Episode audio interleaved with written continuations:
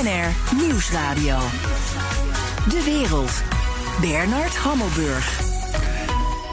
Welkom bij het beste binnenlandse programma over het buitenland. Straks China en Iran onderhandelen over een mega-handelsdeal en vergaande militaire samenwerking. Neemt Iran wraak op Amerika en Europa? Daarover Iran-kenner Damon Golriz. Maar nu eerst. Several high profile Twitter accounts appear to have been hacked with comments posted about cryptocurrency. The accounts include Jeff Bezos, Bill Gates, Elon Musk, Uber, and Apple. Many of the tweets have already been deleted. Twitter is ernstig in verlegenheid gebracht door een mega-hack van allerlei bekende accounts. Facebook staat onder grote kritiek over zijn rol in het verspreiden van haat en leugens. Is het tijd om de sociale media te gaan reguleren en hoe dan?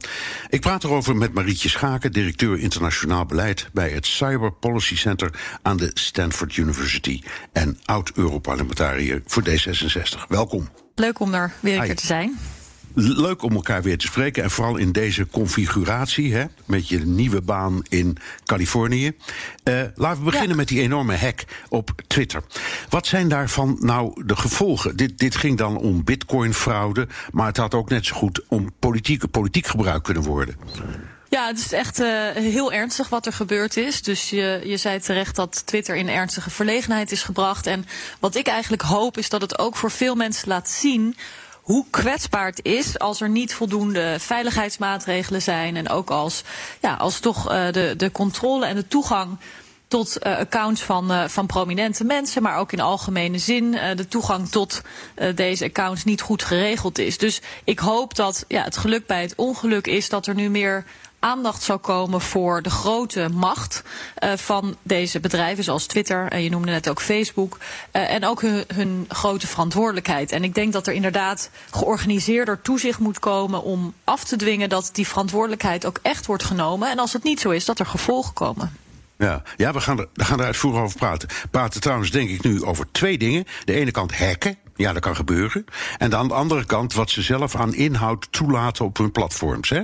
Dat, dat, dat klopt. Dat zijn twee verschillende dingen. Jawel, maar die, die hack op, op Twitter of van Twitter van een aantal prominente accounts uh, door wat lijkt hè, criminelen die, die uh, probeerde te suggereren dat er een soort inzamelingsactie gaande was. Maar als je dan ging doneren, uh, omdat je een oproep zag van een bekend iemand, zoals Elon Musk, dan kwam dat geld regelrecht in de zak van, uh, van criminelen terecht.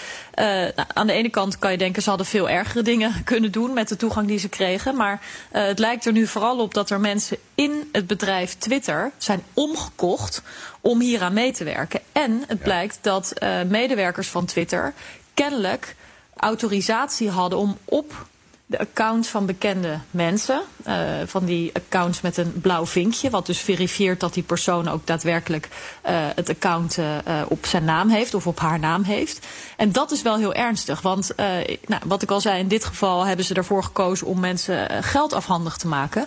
Maar ze hadden ook een, een provocatie kunnen insinueren tussen twee landen. Uh, er hadden ernstige uitspraken van bijvoorbeeld politici kunnen worden gesuggereerd, waar weer reacties op hadden kunnen komen. Dus ik hoop vooral dat dit een wake-up call is, zowel binnen in het bedrijf Twitter, en daar twijfel ik eigenlijk niet aan, als ook daarbuiten over ja. hoe gaan die dingen. Bijvoorbeeld, ik wist niet, ja. ik heb zelf ook zo'n geverifieerd account, dat dan Twitter-medewerkers gewoon in mijn naam zouden kunnen posten. Dat is natuurlijk echt gek. Ja.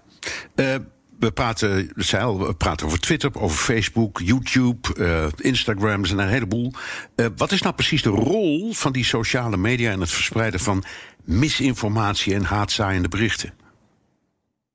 Ja, dat is eigenlijk weer een ander thema. En daarvan is ook steeds de vraag: wat doen bedrijven uh, vanuit hun verdienmodel om informatie bijvoorbeeld uh, snel te laten delen. Dus uh, dat, het, dat het viraal gaat, zoals het heet. Dus snel door veel mensen wordt gedeeld. Wat zijn de commerciële prikkels om bepaalde berichten of reclames te matchen met internetgebruikers? en eigenlijk is het vrij onduidelijk hoeveel ingrepen ze nu doen om desinformatie tegen te houden en wat ze toestaan. Uh, ze zijn onder een vergrootglas komen te liggen vanwege het coronavirus. Waarbij een heleboel mensen zeiden: ja, je moet echt veel meer ingrijpen om ervoor te zorgen dat er niet allemaal kwakzalverige uh, oplossingen worden gedeeld. die zogenaamd tegen het virus zouden helpen, maar die helemaal geen bescherming bieden.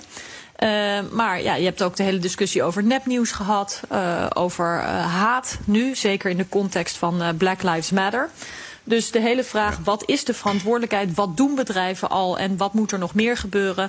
Uh, is eigenlijk nog heel erg gaande, is nog niet beantwoord. Ja, maar dan kom je op de volgende discussie. deze bedrijven zeggen allemaal, wij zijn een platform. We zijn geen uitgever.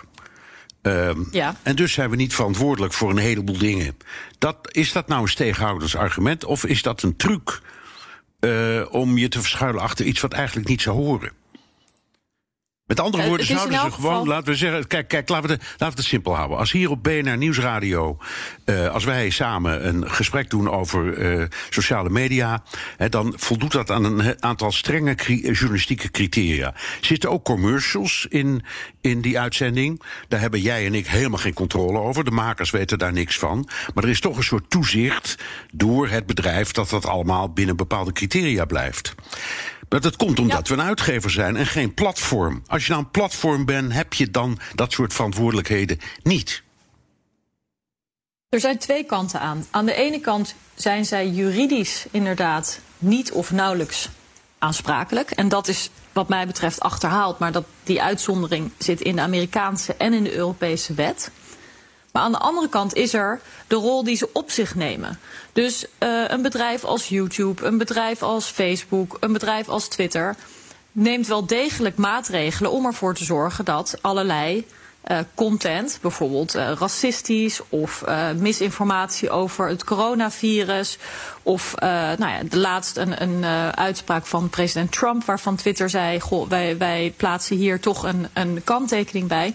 Zij interveneren wel degelijk, zowel natuurlijk voor commerciële redenen, rangschikken ze informatie op een bepaalde manier, maar ook op basis van ja, een grens die ze trekken die moreel is. En uh, lange tijd hebben de bedrijven gezegd, sociale mediabedrijven, dat doen we niet. We zijn louter een platform, we zijn een soort neutraal doorgeefluik. Maar steeds meer uh, laten ze toch zien, nou, wij willen zelf uh, de regels voor onze eigen club zuiver houden. We willen toch meer maatregelen nemen. En dat is, ja, dat is ook vaak controversieel. doen ze nu te veel om informatie offline te halen of van hun platform te gooien? Of doen ze te weinig?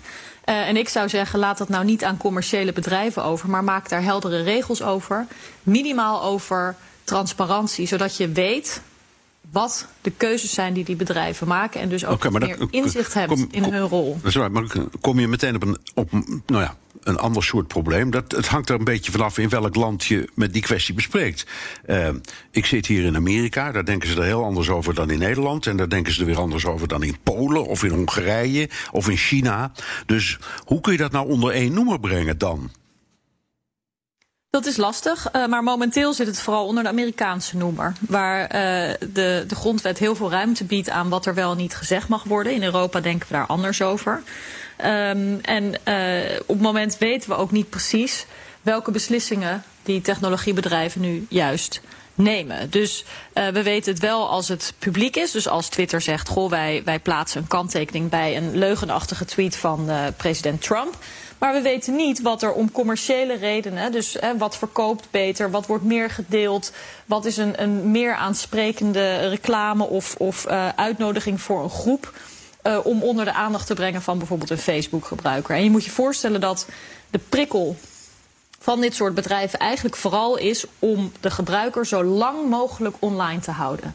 Dus ja. uh, het moet uh, sensationeel. Je moet uitgedaagd worden om het weer met jouw vrienden en contacten te gaan delen.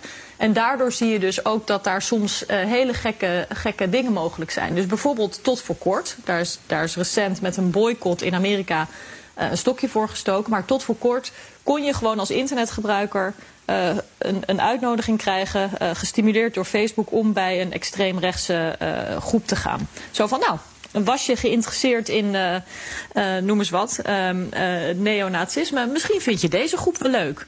Net zo goed als, nou, je was geïnteresseerd in hockey. Misschien wil je wel bij deze hockeyclub gaan zitten. Ja. En de, de, het gebrek aan eigenlijk een grens trekken heeft voor veel controverse gezorgd. Daar is nu een enorme adverteerdersboycott in tegen, tegen ingebracht. Um, maar ja, de, bedrijven die, die willen uiteindelijk gewoon geld verdienen met reclames. En uh, zijn lang heel erg huiverig geweest om, om ook ergens voor te gaan staan als het gaat om principes. Ja, verklaart wat je, dat verschijnsel wat je net beschreef ook waar, hoe het komt dat er zoveel mensen radicaliseren door bijvoorbeeld YouTube en Facebook, omdat ze dingen voorgeschoteld krijgen die op die manier aangeboden worden in video's of pagina's of wat dan ook? Ja, er, er zijn uh, onderzoeken die laten zien dat bijvoorbeeld mensen die een nou ja, uiterst rechtse mening hadden, uh, meer naar het nog extremere kunnen worden getrokken op het moment dat zij automatisch nieuwe aanbevelingen krijgen van goh, je hebt, je hebt dit filmpje gezien, misschien vind je het volgende ook interessant. En uh, het, is, het is mogelijk om daar uh, inderdaad ja, dieper in een soort gat van, van een tunnelvisie getrokken te worden. Uh, en dat, dat, ik noem nu een rechtsvoorbeeld, maar dat kan ook uh, aan de linkerkant van het spectrum, voordat ik zelf weer allemaal uh, boze mensen achter me aankrijg. Um, maar het, het grootste bezwaar is wat mij betreft dat er eigenlijk te weinig onafhankelijk onderzoek gedaan kan worden naar wat de werking van die algoritmes en die, die uitkiening van aanbevelingen van, van technologieplatforms nou precies met mensen doet. Want het is heel veel informatie die, die niet transparant onderzoekbaar is. En waarvan je toch kan zeggen dat die bedrijven enorme macht hebben. Uh, en hun algoritmes veranderen bovendien de hele tijd. Dus je zou eigenlijk ja, veel meer toegang tot informatie moeten hebben als onafhankelijke onderzoeker. Maar ook als toezichthouder of als journalist of als parlementariër. Als je daar een beter geïnformeerde blik op zou willen hebben. En ik denk dat dat echt hoog nodig is. Mijn gast is Marietje Schaken, directeur internationaal beleid bij het Cyber Policy Center aan de Stanford University. Embattled Facebook CEO Mark Zuckerberg is calling for stricter regulation of the web, including his own company. In an op ed published in the Washington Post over the weekend, Zuckerberg called for more outside regulation in issues Facebook has faced criticism over. Ook Facebook-CEO Mark Zuckerberg roept om regulering van sociale netwerken. Hoe moeten die regels eruit zien? YouTube, Facebook, Twitter, ze hebben wereldwijd tienduizenden mensen aan het werk om die website te scannen. Marietje, daar had je het net over op ongewenst materiaal. Ze, ze hebben ook zelf hun eigen richtlijnen, maar dat is dus niet voldoende. Nee, en het is ook maar de vraag wanneer het door een machine wordt geanalyseerd of door een mens. En vooral langs welke criteria het wordt gelegd. Dus op welk moment is uh, een post die je doet nu uh, ja, echt illegaal of niet in lijn met de eigen regels die bedrijven op hun platform graag willen laten gelden. En ik denk dat je daar eigenlijk ook als, als democratische regering veel meer inzicht in zou willen hebben. Dus ik zou het helemaal niet gek vinden als er regels komen die sociale mediabedrijven verplichten om te laten zien, bijvoorbeeld in hoeverre ze zich aan hun eigen regels houden. Uh, daar doen ze nu vaak zelf uitspraken over. Hè? Dus Facebook zegt over zichzelf. Wij zijn lekker bezig. Want we halen 90% van, uh, van de desinformatie in een razend tempo weg. Maar ja, 90% van de hoeveel posts. Wat zijn dan precies die 10% die over zijn? Je moet je niet voorstellen dat er bijvoorbeeld een, een farmaceut zou zeggen van... nou, 90% van onze medicijnen werkt uitstekend. Dan zou er onmiddellijk ja. een schandaal uitbreken. Terwijl als Facebook zegt wij uh, halen 90% van de desinformatie weg... denkt iedereen, oh nou, ja, oké. Okay. Uh, ja. Klinkt wel En hoe zit het, hoe zit het dan met die 10%? Ja, vooral omdat je... Ja, en we hebben geen idee wat dat dan is.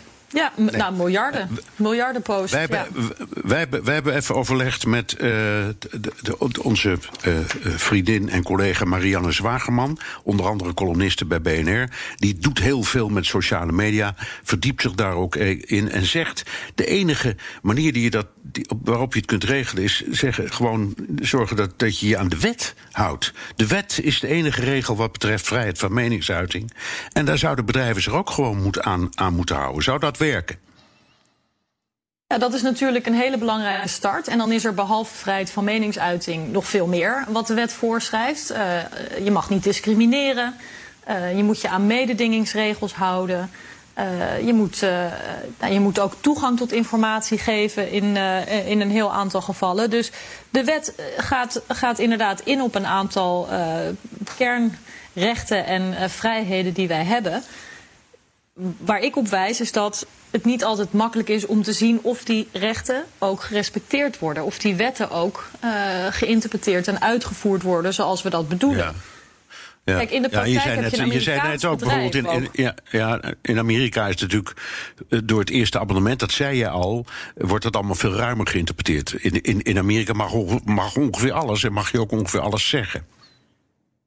Precies, dus daar, daar zit, zit ruimte tussen bijvoorbeeld eh, hoe, dat, hoe dat in de meeste Europese landen is geregeld. Maar ook wat weet jij of wat weet ik, wat weet de gemiddelde Facebook-gebruiker van hoe zijn of haar rechten eigenlijk in het geding zijn.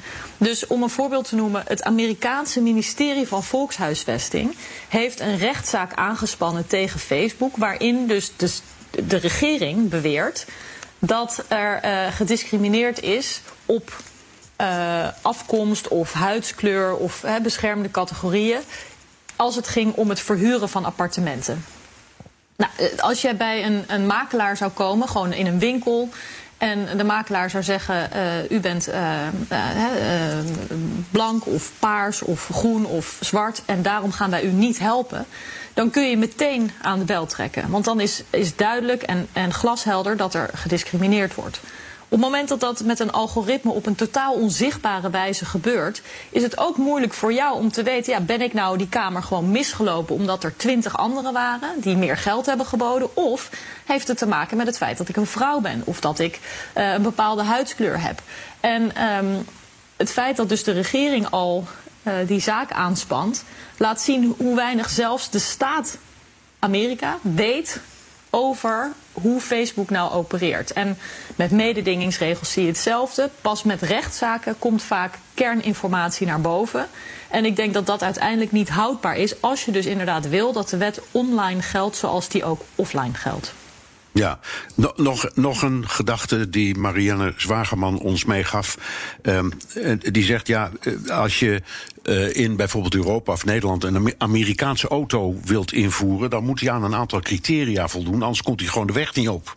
Kun je datzelfde mechanisme niet ook gebruiken met sociale media? Zeker, en dat gebeurt ook. Hè. We hebben in eh, Europa de Algemene Verordening Gegevensbescherming.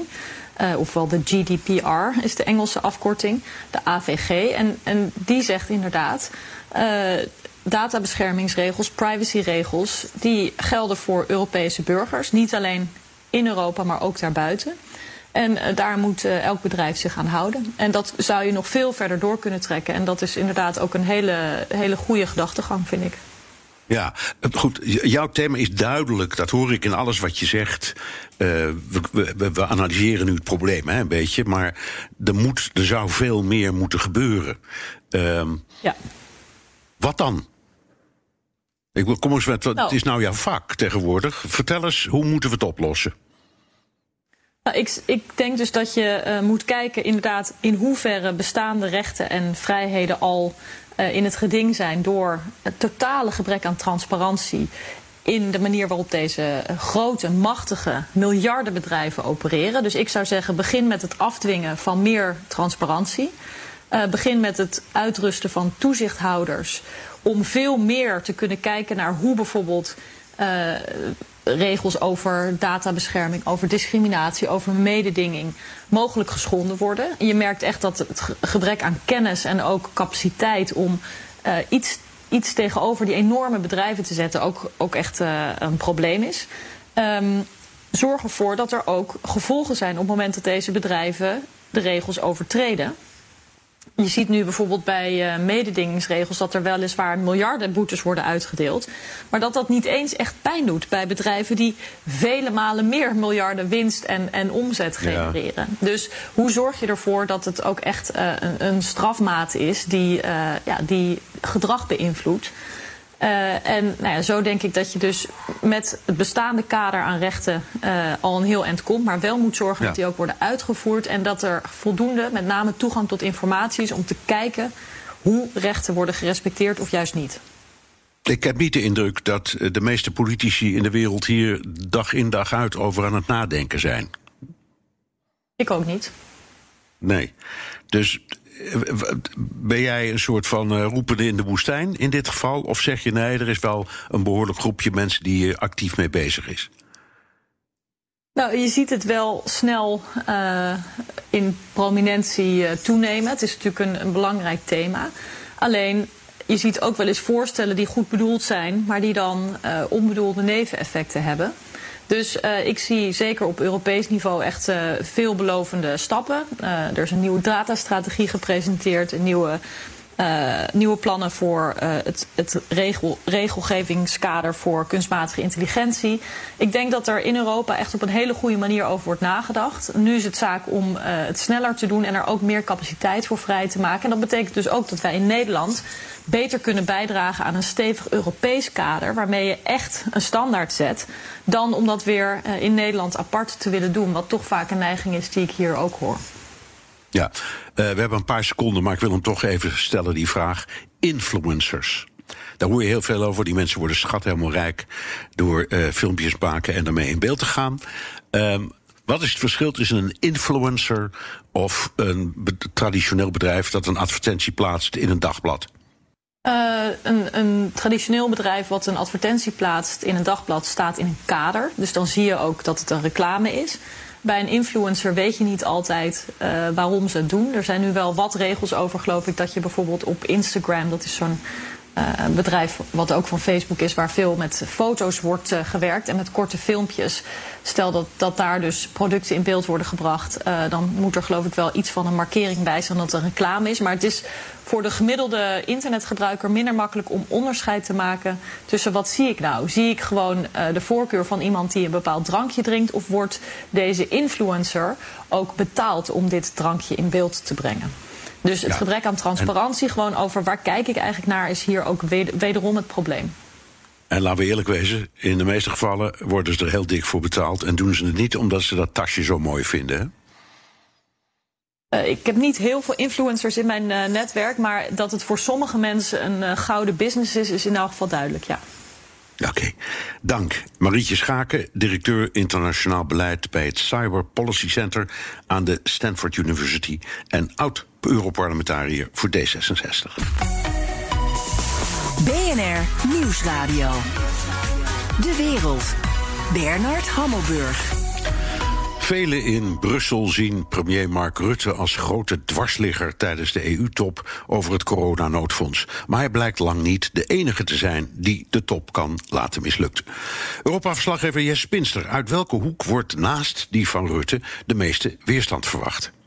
Nou, in ieder geval vanuit Hongarije en uh, van het zwarte schaap binnen de EU, Viktor Orbán.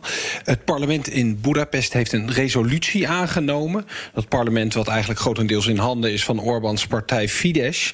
En in die resolutie staat dat er een einde moet komen aan de zogenaamde artikel 7-procedure. Dus de strafprocedure die daar in Brussel loopt tegen Hongarije.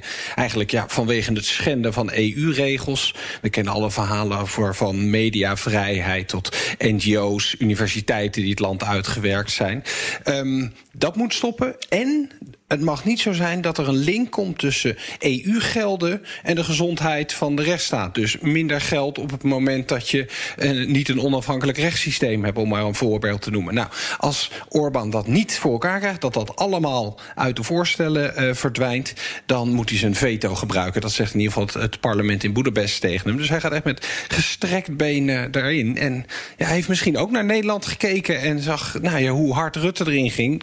Nederland krijgt bijvoorbeeld uh, hoogstwaarschijnlijk zijn, zijn, zijn korting, die ze al eerder hadden natuurlijk, maar die blijft behouden op de begroting. Dus misschien heeft Orbán gedacht, nou dat, dat kan ik ook wel. En wat ik hier in Brussel van diplomaten, EU-diplomaten hoor, is dat ze dit niet alleen maar naar buiten toe zo hard spelen, maar ook binnenskamers waar de onderhandelingen op ambtelijk niveau uh, nu plaatsvinden. Zijn er signalen dat er andere Europese leiders bereid zijn toe te geven aan de eisen vanuit Hongarije? Ja, uit verschillende hoeken hoor je dat het gewoon chantage is wat hier gebeurt. Maar het, lijkt chantage te zijn die ook wel werkt. Want Antonio Costa, de premier van Portugal, die was een paar dagen geleden op bezoek in Budapest bij Orbán. En die zei daar toen: ja, de rechtsstaat dat moet helemaal geen onderdeel zijn van deze begrotingsonderhandelingen. Deze onderhandelingen over dat corona-wederopbouwfonds. Want ja, die Portugese premier die ziet al gebeuren dat Orbán zijn veto gebruikt. En dat er helemaal geen coronasteun gaat komen. En dat is dus nog los van de natuurlijke uh, bondgenoten van Orbán, zoals ze in Warschau zitten. Maar goed, weet je, Orbán heeft een resolutie van het parlement. Premier Rutte heeft dat ook. En dat gaat over hetzelfde onderwerp. En daarin staat dat juist er een hele strenge, duidelijke link moet zijn tussen dat geld en de gezondheid van die rechtsstaat. Dus. Uh, de, de Nederlandse positie is echt van... Nou ja, het huidige voorstel wat er nu ligt, dat is de ondergrens. En daar is een link tussen die twee dingen... en we gaan daar verder niet onder zakken. Dus je ziet al hoe complex het is. Weet je, het is niet mogelijk om alle parlementen... alle volksvertegenwoordigingen door Europa... Die kunnen niet allebei winnen. Nee. Als we nog even kijken naar dat clubje van zuinige landen rondom Nederland... zijn die allemaal net zo fel als Rutte? Mm, ik heb de indruk dat ze in Wenen wel wat uh, voorzichtiger zijn. Iets minder hoog van de toren blazen. Ik zag wel dat de Zweedse premier het nog had over dat hij nou niet wilde uitsluiten dat hij ook een veto ging gebruiken, maar dat hij dat toch liever niet deed. Je merkt toch dat inderdaad de focus vooral op Rutte ligt. Dat heeft misschien ook mee te maken dat Nederland misschien niet een groot land is, maar economisch zijn we misschien binnen de EU toch best, best wel een, nou, een zeker meer dan middelgroot land. Dus dat speelt mee. Daarnaast is Rutte, die loopt natuurlijk al heel lang mee. Dus dat uh, heeft er ook mee te maken. Maar doordat Rutte zo zichtbaar is, zo vocaal is, dan vergeet je inderdaad soms dat er, ja, iedereen heeft speciale wensen. Of zoals een EU-diplomaat tegen mij zei: van iedereen heeft een rebate-behoefte. Die rebate, die korting waar ik het net al eventjes had. Iedereen die wil of een kortingje hier, of misschien toch daar nog net wat meer geld krijgen, wat dan naar Polen of naar Portugal uh, zal gaan. Dus het is, het is een heel complex speelveld op dit moment. Ja, ja. Nou, nou, nou hebben we het allemaal over ruzie en dingen en ga zo maar door. Maar ligt er gewoon eigenlijk stiekem al een compromis klaar? Nee, volgens mij uh, op dit moment niet. Ik, ik begrijp dat Charles Michel, de voorzitter van de Europese Raad, nu toch een, een soort andere strategie gaat proberen te bewandelen. Na het totale fiasco van de top die hij over ditzelfde onderwerp, dat was nog voor de coronacrisis, maar wel over de Europese begroting in februari had.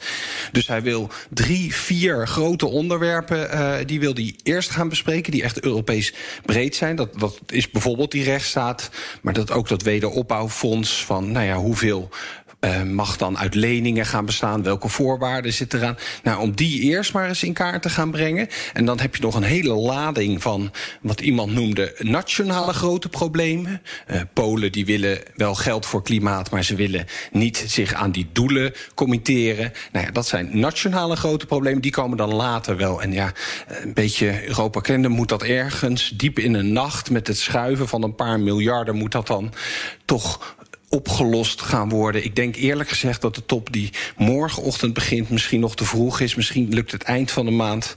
Misschien wordt het september. Maar ja, ergens zal er toch een begroting moeten komen. Anders zit je zonder Europese begroting vanaf 1 januari. Dankjewel, Europa-verslaggever Jesse Pinster. De Donald Show. Tijd voor een update uit de United States of Trump met onze correspondent in Washington, Jan Postma. Jan, de Trump-campagne heeft het moeilijk. Het gaat niet goed in de peilingen. En nu heeft Trump zijn campagnechef vervangen. Ja, daar wordt uh, flink ingegrepen, Bernard. Uh, Brad Pascal, uh, die moet een stap terug doen. Die wordt nu hoofd digitale zaken. Dat was ook zijn functie in 2016 in de campagne. Toen kwam hij eigenlijk uit het niets. niets was opgepikt door Trumps schoonzoon Jared Kushner. hij maakte furoren door met hele kleine budgetten... toch heel veel voor elkaar te krijgen op Facebook. Echt een soort Facebook-tovenaar. En hij is echt een indrukwekkende verschijning. Hij torent flink boven mij uit in ieder geval. Grote baard, gemillimeterd haar. het had ook een, een hipsterkapper kunnen zijn of een uitsmijter. Uh, maar als uh, baas ja. van de campagne ja, ging het niet helemaal naar verwachting uh, de laatste tijd. En nu wordt hij dus vervangen door Bill Steppin. die werkte ook mee aan de campagne. Was hoofd politieke zaken in het Witte Huis. Senior advisor, zoals het dan zo heet. En wel een veel minder spannende verschijning, moet ik zeggen, dan die Pascal. Hoor. Ja. Um, we hadden het over die tegenslagen voor Trump. Welke worden nou specifiek aan Pascal aangerekend? Ja, wat Trump enorm stoorde, dat was dat, uh, dat half lege stadion in Tulsa. Hè, tijdens uh, Trumps herstart van de campagne. Hebben wij het ook nog over gehad. waren toen een miljoen aanvragen. Nou, daar, schepte die Pascal ook enorm over op. Van moet je zien hoe goed het met ons gaat. Terwijl Biden uh, voor, niet eens in zaaltje staat. Maar er zaten uiteindelijk maar een paar duizend man in dat stadion. En dat kwam natuurlijk, ik denk vooral door corona. maar er was ook nog dat verhaal over die TikTokkers en K-pop fans die kaartjes aanvroegen en niet opkwamen dagen. Nou, Trump die was echt woedend op Pascal. Schreeuwde schreeuwde naar hem, dreigde hem aan te klagen. En zaterdag zouden ze het nog een keer overdoen met een rally in New Hampshire. Die werd afgelast vanwege een tropische storm. Maar ja, de zon scheen gewoon die dag. En er waren hardnekkige geruchten dat, dat ze weer dat stadion niet vol kregen. En nog één dingetje, onderliggend speelt ook wat anders. Want je hebt natuurlijk die peilingen, waar het ook niet goed gaat. En de Trump-campagne die gaf al 750 miljoen dollar uit sinds Trump president is. En die peilingen worden ook maar niet beter. Dus ja, dat helpt allemaal niet. Dat gaat voor geld ook niet lukken, klaarblijkelijk. Oké, nee. Um, nou, nou krijg je ook de indruk dat uh, Trump dwars zat... dat, dat die uh, Pascalis een soort zelf, zelf een ster aan het worden was. Ja, ja, precies. Dat speelde zeker mee hoor. Uh, hij gedroeg zich een beetje als een rockster. Hij was enorm aan het, aan het opscheppen aan de start van de campagne. Dat hij een machine had gebouwd die te vergelijken was met de Death Star in Star Wars. Dus een ongelooflijk camp campagneapparaat. Hij wordt ook toegejuicht op het podium voordat Trump spreekt. Wordt echt als een ster behandeld. Mensen willen met hem op de foto, zijn handtekening. En de laatste tijd waren de berichten over hoeveel geld hij wel niet verdient. Hij werd ooit aangenomen als websitebouwer voor, voor Trumps vastgoed. Omdat hij zo lekker goedkoop was. Nou, nu haalden zijn bedrijven al 40 miljoen dollar binnen dankzij de Trump-campagne. En hij heeft inmiddels een, een, villa aan het water in Florida. Uh, meerdere appartementjes ook. Een Ferrari en een boot van 4 ton. Nou, dat, dat zijn dingen natuurlijk als Trump het idee heeft dat, dat je profiteert van hem. Daar wordt hij ook niet blij van. Nee. Eh, wie heeft dit nou eigenlijk aan uh, Pascale verteld? Heeft Trump hem ontboden en heeft gezegd: You're fired? Ja, dat zijn ook altijd, dat verwacht je dan, hè? Want zo kennen we Trump in ieder geval als tv-personen. Ja, dat doet hij gewoon allemaal zelf. Uh, maar in de praktijk is dat eigenlijk nooit zo. En ook nu weer niet. Nu was het Jared Kushner, die ook veel samenwerkt met Pascal, de schoonzoon van Trump. En die mocht het hem dan vertellen. En Pascal die hoorde dat ook echt pas een paar uur voordat de rest van de wereld het hoorde. Dus het ging weer uh, buiten Trump om. En uh, dan is het een voldongen feit. En dan hoeft hij het zelf niet te zeggen. Nee, ongelooflijk. Dankjewel. Jan Posma, onze correspondent in Washington. En wilt u meer horen over de Verenigde Staten? Luister dan naar de Amerika-podcast van Jan en mij. We zijn op dit moment bezig om weer een nieuwe editie online te zetten. BNR Nieuwsradio. De wereld. We agree to deepen bilateral cooperation, which is mutually beneficial and based on a win win cooperation principle. The two countries have a very good foundation and great potential for cooperation in various fields, such as economy and trade, energy, and infrastructure. Dat was de Chinese minister van Buitenlandse Zaken Wang Yi over de relatie met Iran via een vertaler. Iran en China werken aan een allesomvattende megadeal voor handel en militaire samenwerking. Uh, China zou bereid zijn om de komende 25 jaar zo'n 400 miljard dollar te investeren in, in Iran in ruil voor olie. Wat betekent dit voor Europa en Amerika? Ik praat erover met Damon Golries, politiek analist en Iran-expert. Dag Damon. Dag Bernard, hallo. Hi, deze deal omvat van alles. Uh, 5G, uh, een eigen navigatie, GPS-systeem, het bouwen van havens, spoorlijnen, uh, delen van inlichtingen, vrije handelszone, gezamenlijke militaire oefeningen. Hoe ver zijn deze twee landen met het sluiten van die deal? Nou, we moeten een beetje voorzichtig zijn of het nou wel of niet een, echt een deal is, want dat heeft natuurlijk een connotatie. Uh, als je kijkt naar zowel de Engelstalige en de Persischtalige zeg maar, uh, tekst daarvan. Um, uh, die verschillen overigens, 18 pagina. En het is meer een Memorandum of Understanding, een MOU, zoals waarschijnlijk heel veel van de luisteraars dat kennen, beter dan ik. Het is meer een soort intentie-uitspraak uh, dan echt een overeenkomst, een strategische overeenkomst. Uh, en het ja. is, uh, vooral is het uh, onder, onder aandacht gekomen vanuit Iran. Dus je hoort Iraniërs ontzettend veel over wat zeggen. de Chinezen zijn daar nogal stil over. Ja, ik, nou ja, goed, laat ik zeggen, de manier waarop ik het las in de New York Times, maar ook in de Wall Street Journal, de Asia Times, de Indiaanse pers, mm -hmm. die hebben er allemaal op hun eigen manier dan over geschreven. Dan was het verhaal, ja, de, de, de, deze kwestie, dat is ooit een voorstel geweest van president Xi in 2016 om dat te gaan doen. Daar hebben ze dan al die jaren aan gewerkt. En inderdaad, precies zoals jij zegt, waar ze nu zitten, is dat er een memorandum of understanding is. Dat is dus, laten we zeggen, de eerste stap op weg naar een overeenkomst. En dat die dan zou zijn uitonderhandeld en moet worden voorgelegd aan het Iraanse parlement. En dat doet dan weer moeilijk. Dat is ongeveer eh, zoals ik uh, het heb gelezen. Klopt dat beeld of helemaal niet? Nou, um, voor een deel klopt. Uh, uh, ik zou zeggen, je hebt altijd gelijk. Maar voor een deel klopt dat, uh, klopt dat beeld man, wel. Man, man, ja. um, voor een deel klopt gelukkig, wel. Gelukkig, gelukkig het, hebben we jou om het uit te leggen. Ja. het, stukje, het stukje over dat het parlement daar, Iraans parlement daar moeilijk over doet, klopt niet. Want dit is uh, inderdaad uh, toen de tijd toen uh, president Xi in januari 2016. Overigens, dat was precies het moment dat de nucleaire overeenkomst met Amerika in de tijden van Obama inging. Dus dat hele idee met dit is een reactie op maximum pressure, hè, maximale druk van Amerika op dit moment. daar kun je wel twijfel over hebben, denk ik. Um, uh, dus, dus het is, in die tijd is het dus uitgesproken. En kijk, Iraans parlement, het is qua een façade, een soort, ja, een soort cosmetische instituut. Uh, die, die, die, die laat zien dat ze daar een beetje tegen de regering van Rouhani zijn. Omdat Rouhani van een andere soort politieke kleur komt. Maar uiteindelijk, diegene die daarover gaat, is de opperste leider. En de opperste leider heeft zelf ervoor gezorgd dat zijn rechterhand, zowel financiële adviseur als uh, een economische adviseur en, en zijn buitenlandse uh, betrekkingenadviseur, die zijn dus naar China gegaan om daar te laten weten dat hij dus erachter staat. Hij beslist uh, hoe het gaat en niet het parlement of de regering. Die voeren het een beetje nee. uit en die spelen een beetje met elkaar een soort theater om het, om het begrijpelijk te maken voor de hele wereld en ook voor eventueel Iraniërs als zij er zouden luisteren. Ja, ja, ja, ja nou, dat neemt dan weer een illusie weg. Omdat de manier waarop ik het las was dat inderdaad uh, Gamenei, uh, de geestelijk leider, die, die, die was om, die is ervoor. Maar het parlement uh, twijfelde omdat het zei: ja, maar we hebben geen zin om helemaal een provincie van China te worden. En toen dacht ik of dat parlement nou wel echt of niet macht heeft. Het argument is op, is op zichzelf best goed. Nou, het argument is wel het argument hoe, uh, de, uh, hoe de Iran, Iraanse elite, Iraanse bevolking zich uitspreekt tegen zo'n eventueel zo'n deal of zo'n vooruitzicht. Kijk, Iraniërs zijn, zoals jij beter weet, uh, die zijn heel trots. Die, zijn, die hebben ook eigenlijk altijd een beetje soort afstand gehouden met grootmachten. Iran is historisch gezien gegroeid wanneer uh, verschillende grootmachten tegen elkaar werden uitgespeeld. In de tijd, dat, dat was jaren geleden, was dat, waren dat de Russen en de Engelsen.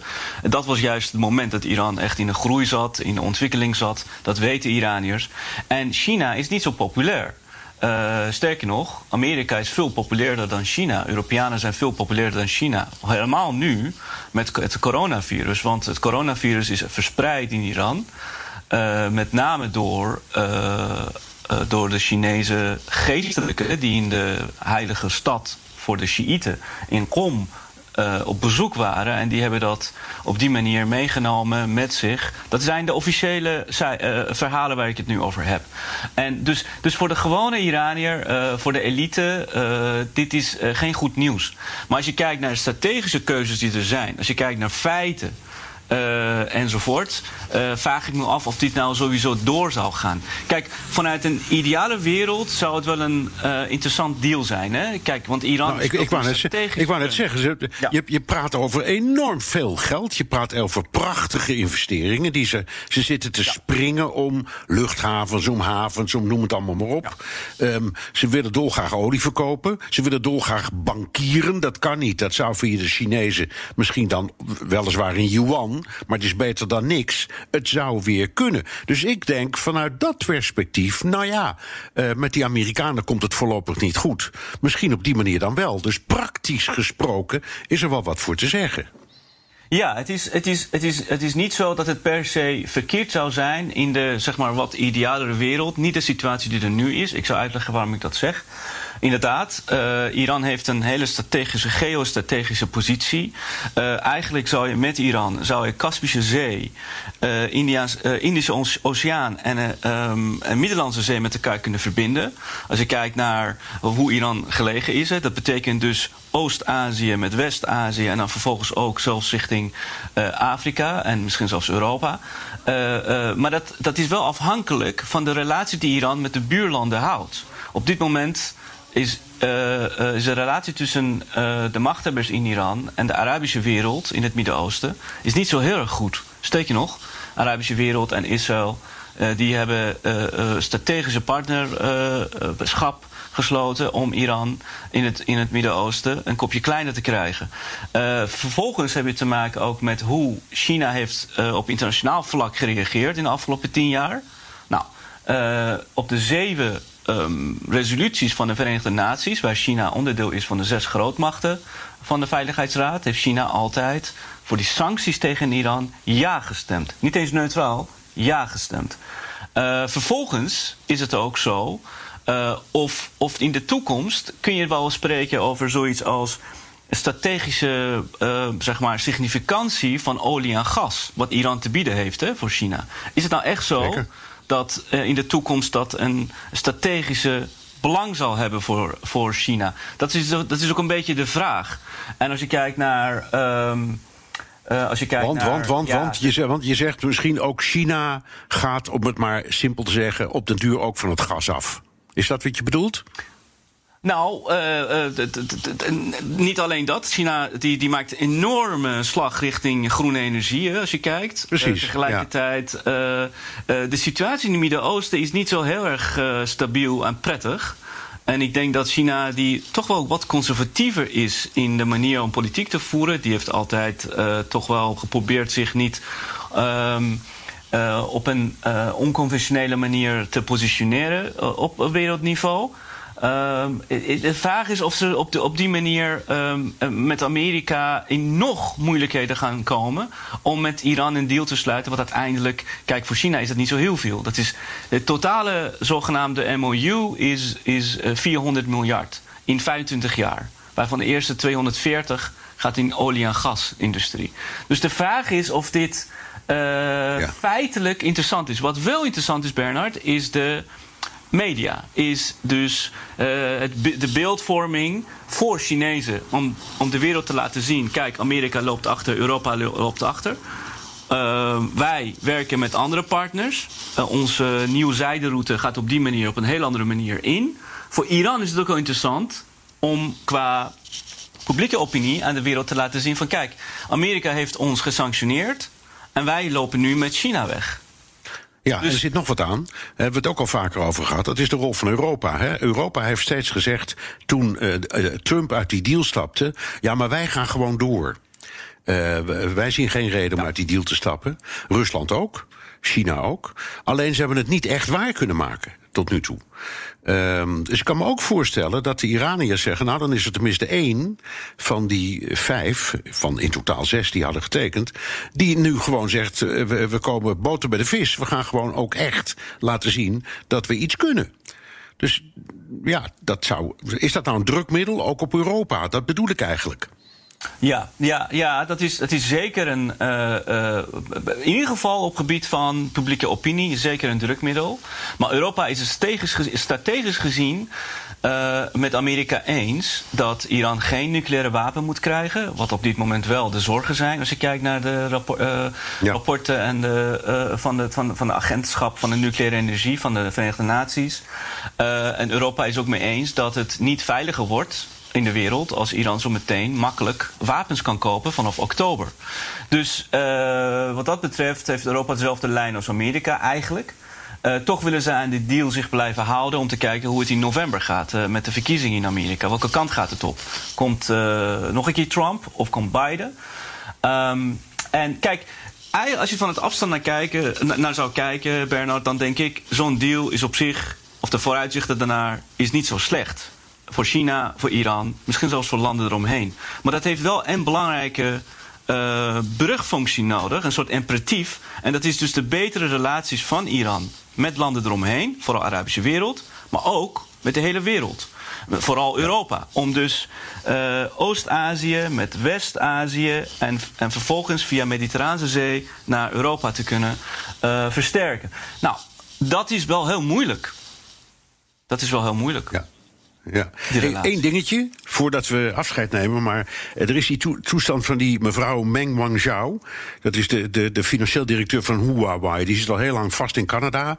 Eh, omdat de Amerikanen haar, eh, die willen haar uitgeleverd hebben, omdat ze er beschuldigen van eh, het overtreden van sancties tegen Iran, geheime samenwerking. Nu je die hele deal zo leest, waar ook Huawei in wordt genoemd, dan denk je: hé, hey, verhip, die Amerikanen hadden misschien gewoon gelijk. Misschien is die vrouw echt bezig met het maken van een deal die tegen de sanctieregels ingaat.